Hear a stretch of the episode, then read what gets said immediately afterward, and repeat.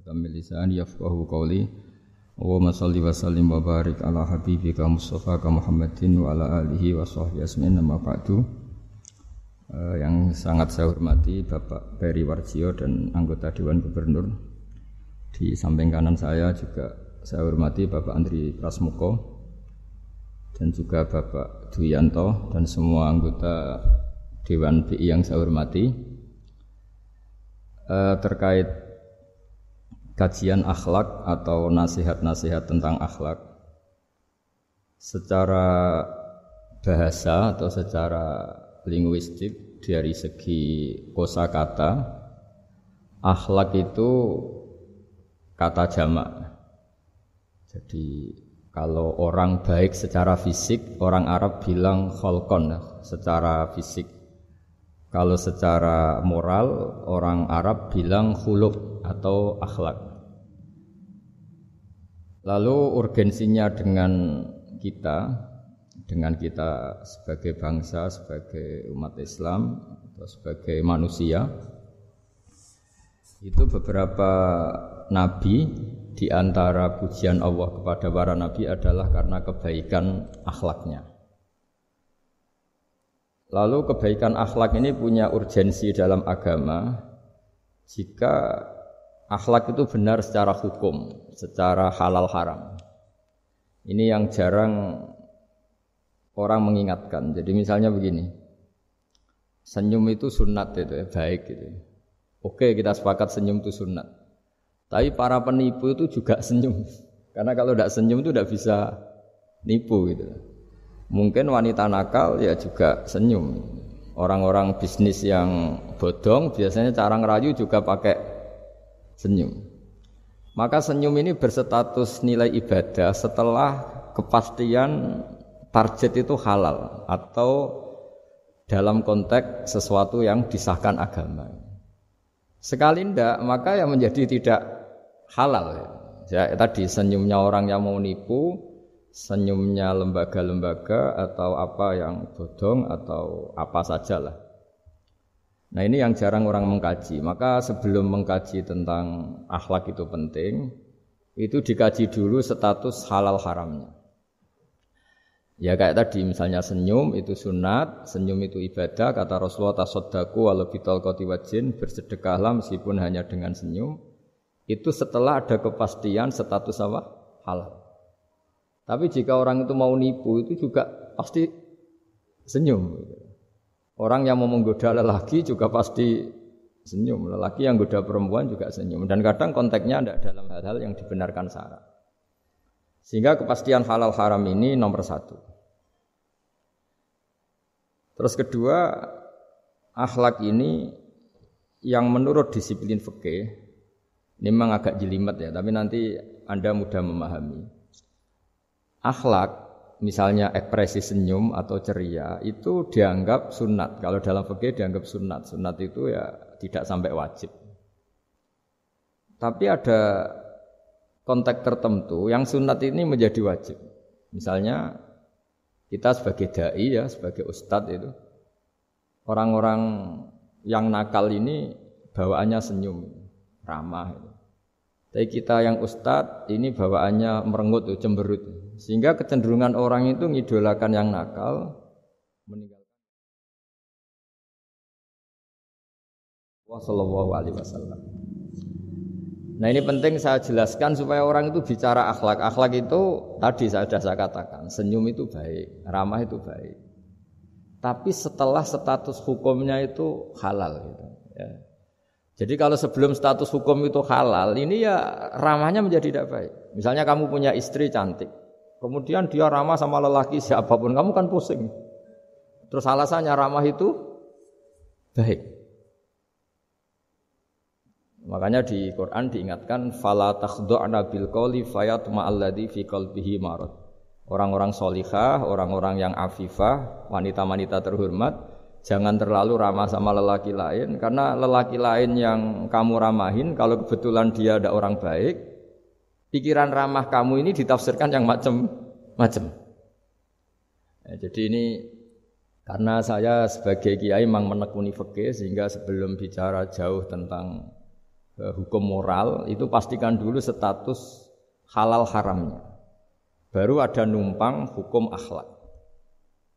Sodako juga gitu, banyak orang dermawan itu. Ternyata nyuwun sewu memang uang korupsi sehingga mudah ngasih orang banyak. Pas uangnya sendiri ternyata berat. Ini belum bisa dikatakan sodako karena bawaannya dermawan karena uang uang saya saja. Jadi kepastian hukum ini harus ada dulu.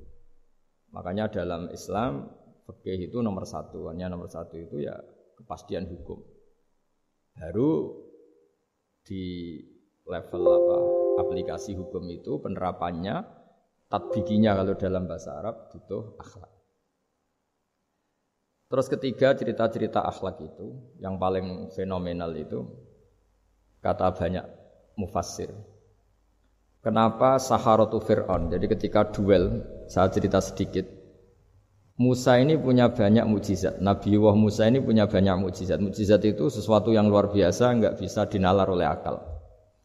Itu kalau orang baik disebut mujizat, kalau orang buruk punya kemampuan ini disebut sihir.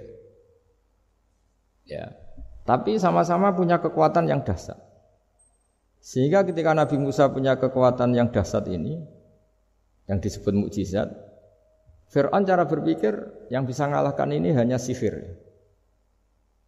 Dipanggillah ahli sihir yang profesional, yang yang top dan mulai dulu itu uang ya seneng duit gitu. Jadi ahli sihir yang mau datang tapi berani berapa gitu. Jadi itu sudah mulai dulu gitu. Jadi sekunane kuno itu transaksinya itu ya harus berani berapa itu. Fir'aun katanya inna apa innakum idzal laminal muqarrabin. Kamu tak jamin menjadi orang dekat saya. Jadi mulai dulu kalau dukung itu ya harus dapat jatah itu. Jadi jatah orang dekat. Entah dulu itu apa menteri atau apa tidak tahu. Tapi mulai dulu ya sudah gitu. Kata Fir'aun oke. Okay. Akhirnya pertarungan itu mau dimulai. Lah uniknya ketika mau dimulai itu Saharoh-saharoh ini ahli sihir yang bawaan Fir'aun tadi, sewaan nih tadi, bayaran. Itu di luar dugaan Mas Andri itu malah sopan sama Nabi Musa. Ditonton orang banyak padahal. Ditonton orang banyak karena Fir'aun tuh ingin Nabi Musa itu kalah. Musa kalau dia manggil. Tapi di luar dugaan itu para ahli sihir itu entah sangking haibahnya, wibawanya Nabi Musa itu jenengan dulu apa saya dulu? Monggo jenengan dulu apa saya dulu? Imma antul kiyah wa imma anahnul mulkin. Monggo jenengan dulu atau kita dulu. Jadi harusnya secara teori tarung itu semakin menteror atau ada gebrakan yang mengagetkan ini kan lebih mudah mengalahkan Musa. Tapi enggak malah Musa ditanya. Wahai Musa, imma antul qiyah wa imma anahnul mulkin. Monggo jenengan dulu atau kita dulu. Nabi Musa juga membalas yang sopan. Tidak, kalian dulu saja. Nah itu kata para ahli tafsir. Barokahnya akhlak yang dilakukan Saharatu Fir'aun ini al fi qulubihim al iman. Allah saat itu juga memberi iman. Jadi barokahnya sopan sama Nabi siapa? Musa. Jadi barokah akhlak paling fenomenal dalam dunia tafsir adalah ketika Saharatu Fir'aun mendapat berkahnya adab, berkahnya akhlak sampai iman. Sehingga kalau dalam khazanah-khazanah Islam amal yang paling mudah diterima Allah itu di antaranya satu itu akhlak, dua sedekah. Dalam cerita-cerita kitab yang saya pelajari, sedekah juga gitu. Ada orang itu saking bejatnya, dia seorang kaya raya, itu saking bejatnya itu cara berpikir itu menurut dia ya rasional, tapi ngawur sekali. Dia punya putri cantik itu. Ya tentu dia yang rawat. Terus dia ngenangen itu wong anakku ayu dirabi wong liya. Ya, walhasil itu dia punya rencana menikahi anaknya sendiri. Itu kan sebejat-bejatnya orang. Dan dia cara berpikir itu begitu memang namanya orang majusi, tidak beragama. Eh, tapi ketika dia banyak ulama yang bilang namanya orang ini bahrom. Tapi siapa pun namanya itu cerita ini populer di di di literasi, di hazana-hazana atau di referensi kita. Di. Pas malam pertama mau menggauli putrinya, ada janda sepuh itu notok pintunya ya, supaya dikasih sodako. Itu anehnya dia itu tergerak untuk memberi. Ketika mau memberi, si janda ini berubah pikiran. Wong saya ini muslimah kok minta orang kafir. Tidak jadi minta, tapi lari. Ketika dikejar lari. Setelah di rumah melihat anak-anaknya itu menangis, Mas Andri, kembali lagi minta. Setelah mau dikasih, lari lagi sampai tiga kali. Singkat cerita si Bahrom ini lalu tetap ke rumahnya dan ternyata mendengar anak-anak menangis karena kelaparan. Dia tergerak hatinya, ya dia tergerak hatinya itu membawa coro Indonesia membawa beras sendiri, membawa roti sendiri, semua keperluan itu dicukupin, dibawa sendiri, diantarkan. Dan uniknya saat itu juga dia berpikir waras langsung, gak ingin lagi menggawili anaknya, gak ingin lagi. Jadi barokahnya sutaka itu dilakukan orang kafir, itu langsung ada berkah. Sampai saat itu dia iman dan hebatnya ada seorang wali di era itu mimpi mimpi disuruh menghormati si Bahrom ini. Bahwa ini umat saya ini walhasil itu sampai diapresiasi. Nah lagi-lagi kembali ke sodako. Jika ada orang netral misalnya orang netral ya diajak baik yang mau diajak buruk yang mau belum punya perpendirian juga belum punya karakter belum punya status yang permanen ya solehnya masih amatir faseknya ya masih amatir kemudian terus ada kompetisi alam raya ini kan kompetisi Ternyata yang tukang sedekah yang mudah memberi itu yang fasik. Yang ini pelit. Jangan-jangan kita disalahkan Allah ketika orang yang netral ini jadi orang fasik. Karena apa? Kenangannya dengan orang fasik mendapat mendapat keenaan sedekah atau servis, kenangannya sama orang soleh tidak mendapat. Malah dikongkon terus jadi panitia pengajian kan kesel ya. Nah, kalau di, nah, dibebani terus. Sehingga di antara ciri agama ini qalilul maunah. Agama ini harus berbiaya murah. Itu hal-hal yang harus kita perhatikan.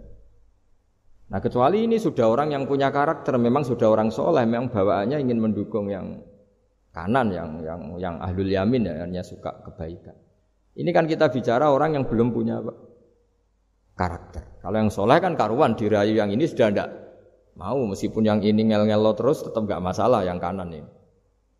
Nah, Ketika kita ngelola anak Mas Andri ini Mas Dwi ya. Ini karena yang ada jadi saya beri saya pakai contoh. Saya punya kenangan dalam hal ini itu sangat miris. Ada orang sepuh soleh. Cerita anaknya itu sekarang kerja di Jakarta tidak sholat. Padahal itu ya orang soleh, orang baik. Dan dia kenapa datang ke saya? Karena minta maaf dulu pernah dengan tanda ketik pernah menyalahkan bapak saya, menyalahkan kiai-kiai yang lunak. Bapak saya dulu ya di dalam ada TV, ya ada sepeda motor, ya umumnya orang. Ternyata kasusnya itu sederhana Mas Andri. Anaknya Kiai ini, orang soleh lah. Itu karena saking ketatnya itu di rumah nggak ada TV, juga nggak ada motor. Sehingga kenangan pertama lihat TV ya di servis orang yang nyuwun sewu tidak sholat. Kenangan pertama pakai motor ya dipinjemin orang yang nggak sholat. Sehingga bawaannya dia punya utang jasa sama orang yang tidak baik lah gitu. Akhirnya ini nggak jadi idola. Orang tuanya meskipun soleh nggak jadi idola. Dan orang tuanya itu nggak punya TV supaya waktunya nggak habis untuk nonton TV. Nggak punya motor biar tidak keluyuran. Niatnya baik, sangat baik. Tapi karena terus ini itu tadi kembali ke tadi al insan abdul ihsan manusia itu budaknya kebaikan. Kenangannya lihat TV ya sama orang yang nggak bener ini. Kenangannya pakai motor pakai motor ya pakai. Akhirnya ikut ikut merantau ini ke Jakarta. Singkat cerita terus akhirnya dia katut temannya enggak sholat. Nah ini yang di sini jika jika kamu mengelola agama ini secara tidak simpatik, lanfaddu min pasti orang itu bubar. Nah, singkat cerita terus karena dia mungkin orang sholat ya, tetap doanya didengar Allah. Dia nangis-nangis berdoa di depan Allah, terus minta maaf sama kiai-kiai yang pernah disalahkan, yang terlalu longgar sama anaknya. Karena bapak saya termasuk orang yang longgar. Mbah Mun saya tahu di dalamnya ya ada TV, ada motor, ya umumnya anaknya difasilitasi. Lala anaknya itu terus diparingi Allah tobat kembali. Terus dia menservis anaknya dengan umumnya orang. Jadi yang bahaya itu bukan tidak ada TV-nya, tapi kenangan pertama tahu TV ini. Bagi anak yang nggak pernah lihat TV itu kan diberi lihat TV itu spesial. Sama bagi anak yang sama sekali nggak ada motor itu kan dikasih pinjaman motor itu kan spesial. Jadi kesimpulan dari ngaji akhlak ini, akhlak ini harus dikawal supaya mengawal kebaikan. Jangan sampai anak kita, keluarga kita punya utang jasa sama orang yang nggak benar sehingga Dia ngidolakannya orang yang enggak Ya tadi misalnya kadang-kadang orang nggak benar itu ketemu temannya, ngopi-ngopi, beres. Yang ini kita sebagai orang tuanya mau ngopi saja tanya, jam segini kok ngopi? Apa saja salah. Jadi bawaannya di rumah disalahin, bawaannya di luar dibebasin. Akhirnya kenangannya kan ini buruk. Ini hal-hal seperti ini yang kita harus apa hati-hati lah ngelola kebenaran.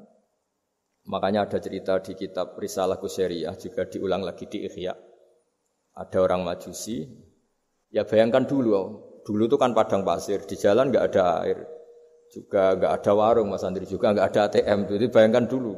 Jadi cerita ini harus dibayangkan dulu. Kalau sekarang kan nggak kebayang ada orang kelaparan di perjalanan. Makanya dulu tuh hukumnya ekstrim. Siapa yang iman billah wal yawmil akhir harus memuliakan tamunya. Dulu tuh ukuran memuliakan tamu itu nomor satu ya dikasih makan. Sehingga kalau ada tamu dari jauh Nabi itu kalau nggak bisa ngasih makan dilelang. Siapa sahabatku yang bisa ngasih makan karena orang itu sekali mertamu ya memang kelaparan betul perjalanan dua hari nggak ada warung nggak ada ATM nggak bisa mampir ke kantor cabang minta fasilitas kan nggak bisa. Kalau pejabat kan bisa. Dari Jakarta mampir Semarang Semarang mampir Keragan bisa. Singkat cerita dilelang sama dia. Siapa yang bisa? Masyur kan cerita itu ada orang yang sebetulnya miskin. Saya ya Rasulullah ternyata yang dikasihkan itu makanan jatah apa?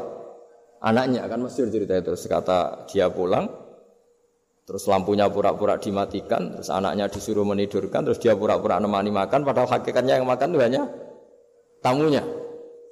Saat itu juga Allah menurunkan wahyu kepada Rasulullah Shallallahu Alaihi Wasallam.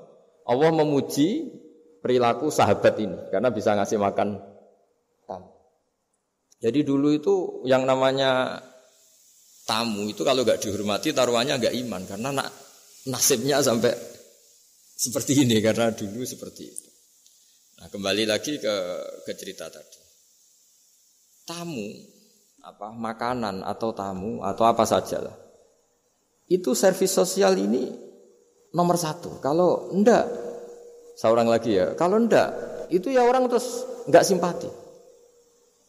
Nah, sehingga karena taruhannya seperti itu sampai Allah lewat apa binaan kekasihnya maka na yu'minu billahi wal yaumil akhir fal yukrim dhaifa.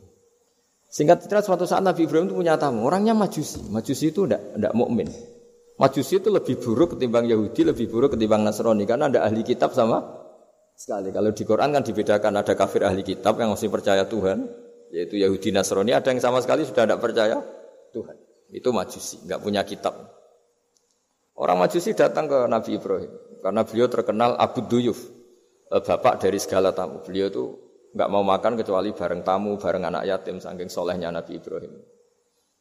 Saya ulang lagi, bayangkan dulu, memang makan itu luar biasa. Sekarang kan biasa karena tamu sudah makan dulu di warung, nginepnya di hotel, malah kadang disuguhi udah mati makan karena nggak selera, ribet malah tamu sekarang.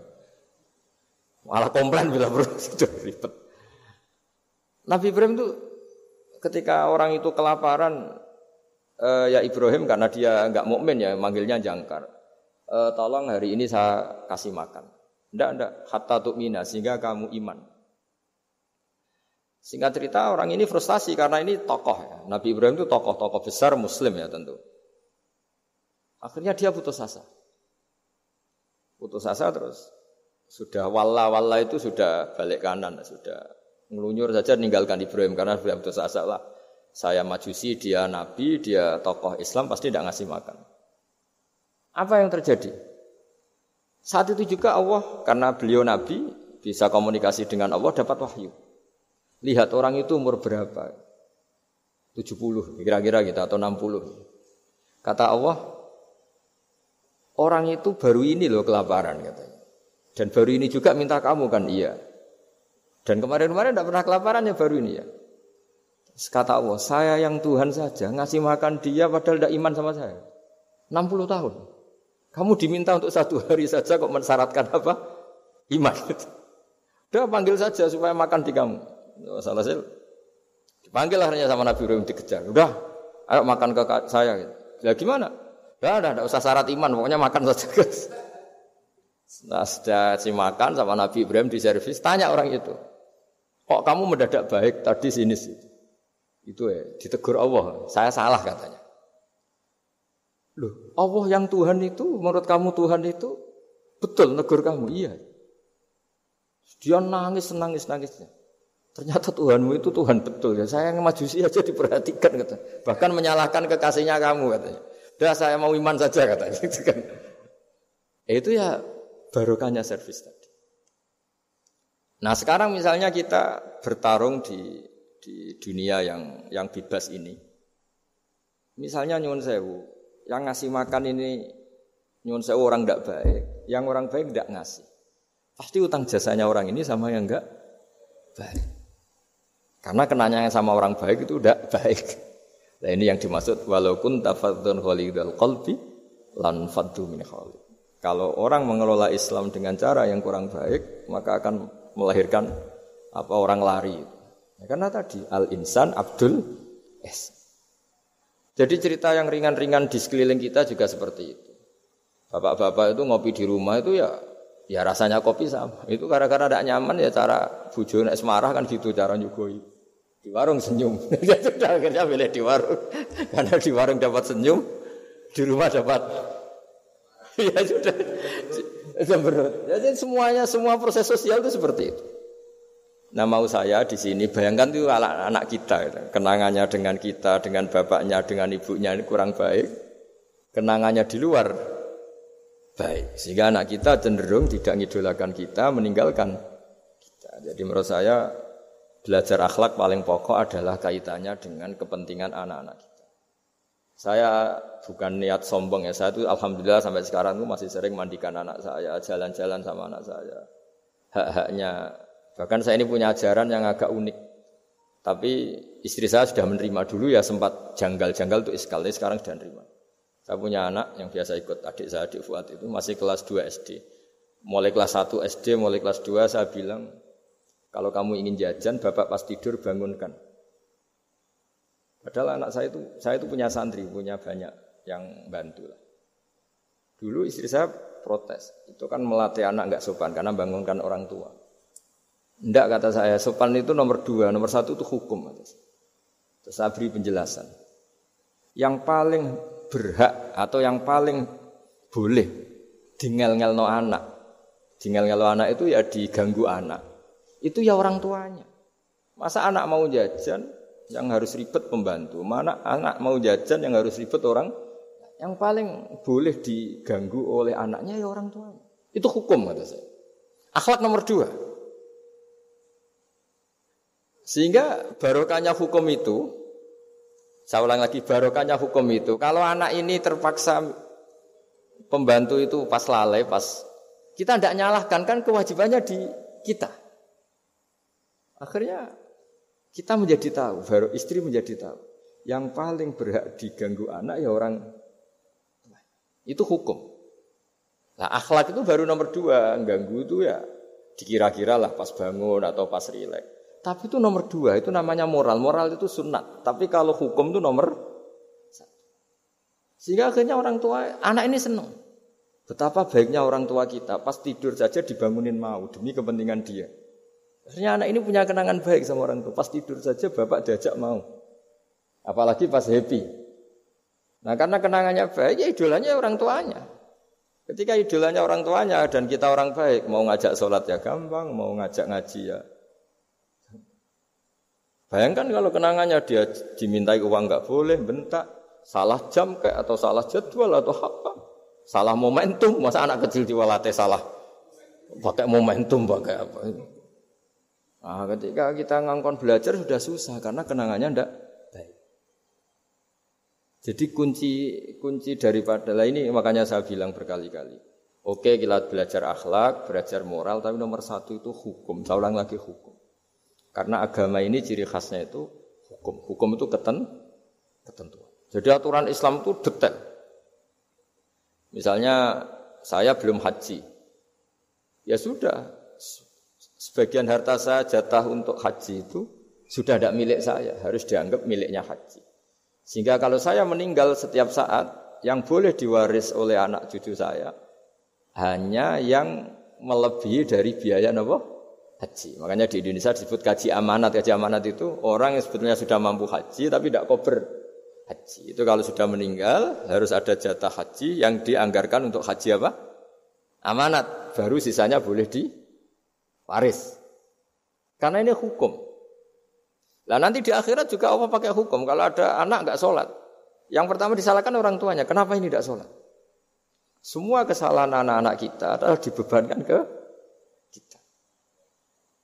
Ya, jadi saya mohon cerita-cerita akhlak ini jangan sampai hanya nyuwun sewu moral dengan arti kenyamanan sosial, tapi kembalikan ke Allah dan apa?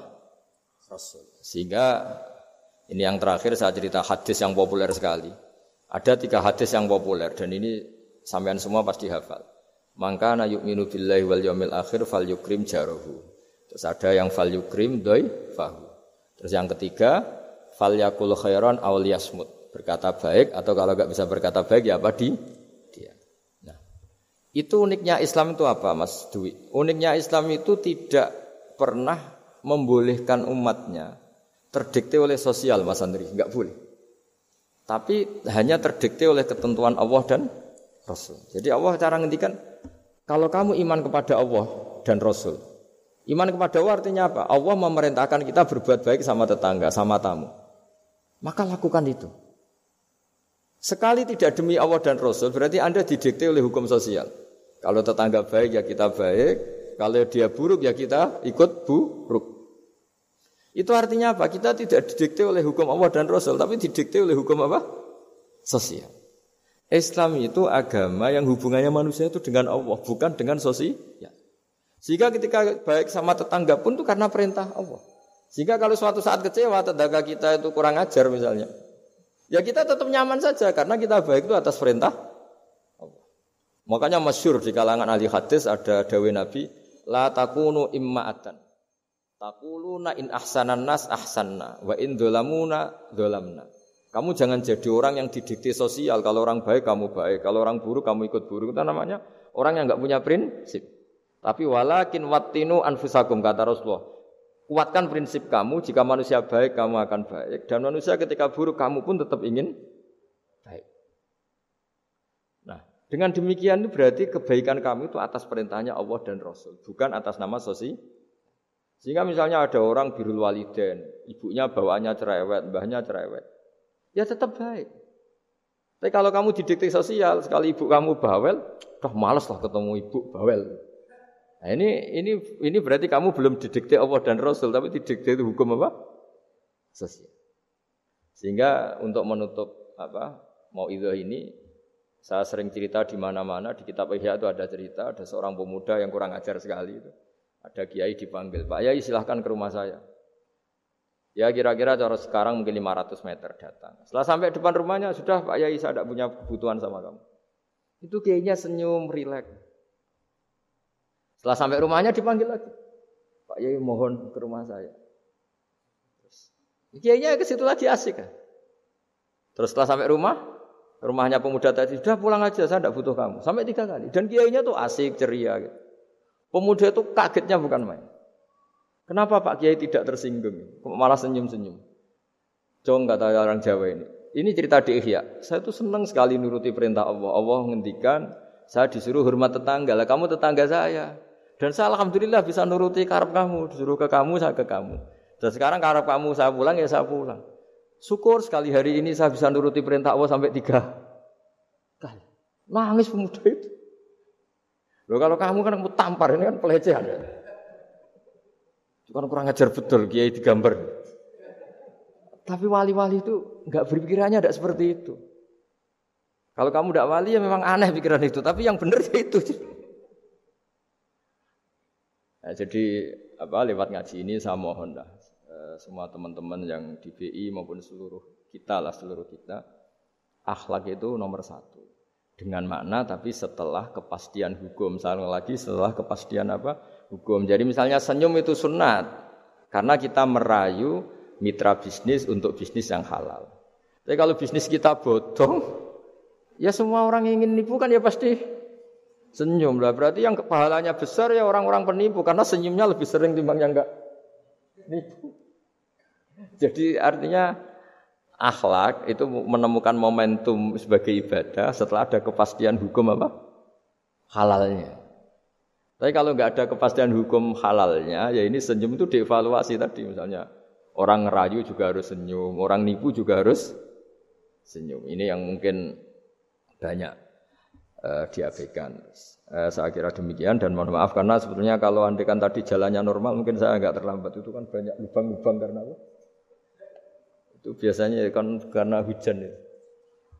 Tapi ya saya suka tetap terlambat biar keren pernah nunggu kiai. Jadi kalau dalam teori agama itu sama kok. Sholat, Nabi itu pernah sholat isya itu setengah tiga. Setengah tiga dini hari, sahabat biasanya kan beliau suka awal waktu. Terus ketika sahabat tanya, kata Nabi, malam ini spesial. Karena kamu lama sekali nunggu apa? Sholat. Gak semua orang malam ini bisa menunggu apa? Sholat. Jadi artinya apa bawaannya itu nunggu kebaikan. Jadi di antara trik ya, trik atau resep husnul khotimah. Ya, ini sebagai penutup ngaji. Resep husnul khotimah itu Inna wa ta'ala yubahi malaikatahu. Allah membanggakan kita, yubahi bikum malaikatahu. Allah bangga dengan kita. Di antaranya apa Mas Andri? Umatnya Rasulullah Wasallam itu kalau habis subuh ditanya, ngapain kamu hidup? Nunggu sholat duhur. Ngapain kamu hidup setelah sholat duhur? Nunggu sholat asar. Sehingga kita ini menunaikan fardu yang diwajibkan Allah dan menunggu datangnya fardu yang lain. Jadi orientasi kita hijratuhu ilallah wa rasul. Tapi kalau kita orientasinya mapan, kenapa kamu hidup? Sama mau mati setelah mapan. Sama mau mati setelah jabat. Ini kan berarti perjalanan kamu ilat dunia. Orientasi kamu dunia. Faman kana hijratu ilat dunia awim ro'atin yang kihuwa fa hijratuhu ila ma Tapi kalau kamu niatnya, kenapa kamu berani hidup? Supaya bisa sholat, supaya bisa ibadah. Berarti perjalanan kamu hanya menuju Allah dan Jadi sehingga di antara alamat husnul khotimah adalah orang setiap sudah melakukan satu kebaikan berani hidup karena berharap bisa melakukan kebaikan yang lain. Jadi dari satu kebaikan rutenya menuju kebaikan yang lain. Ya, saya kira demikian dan mohon maaf. Assalamualaikum warahmatullahi wabarakatuh.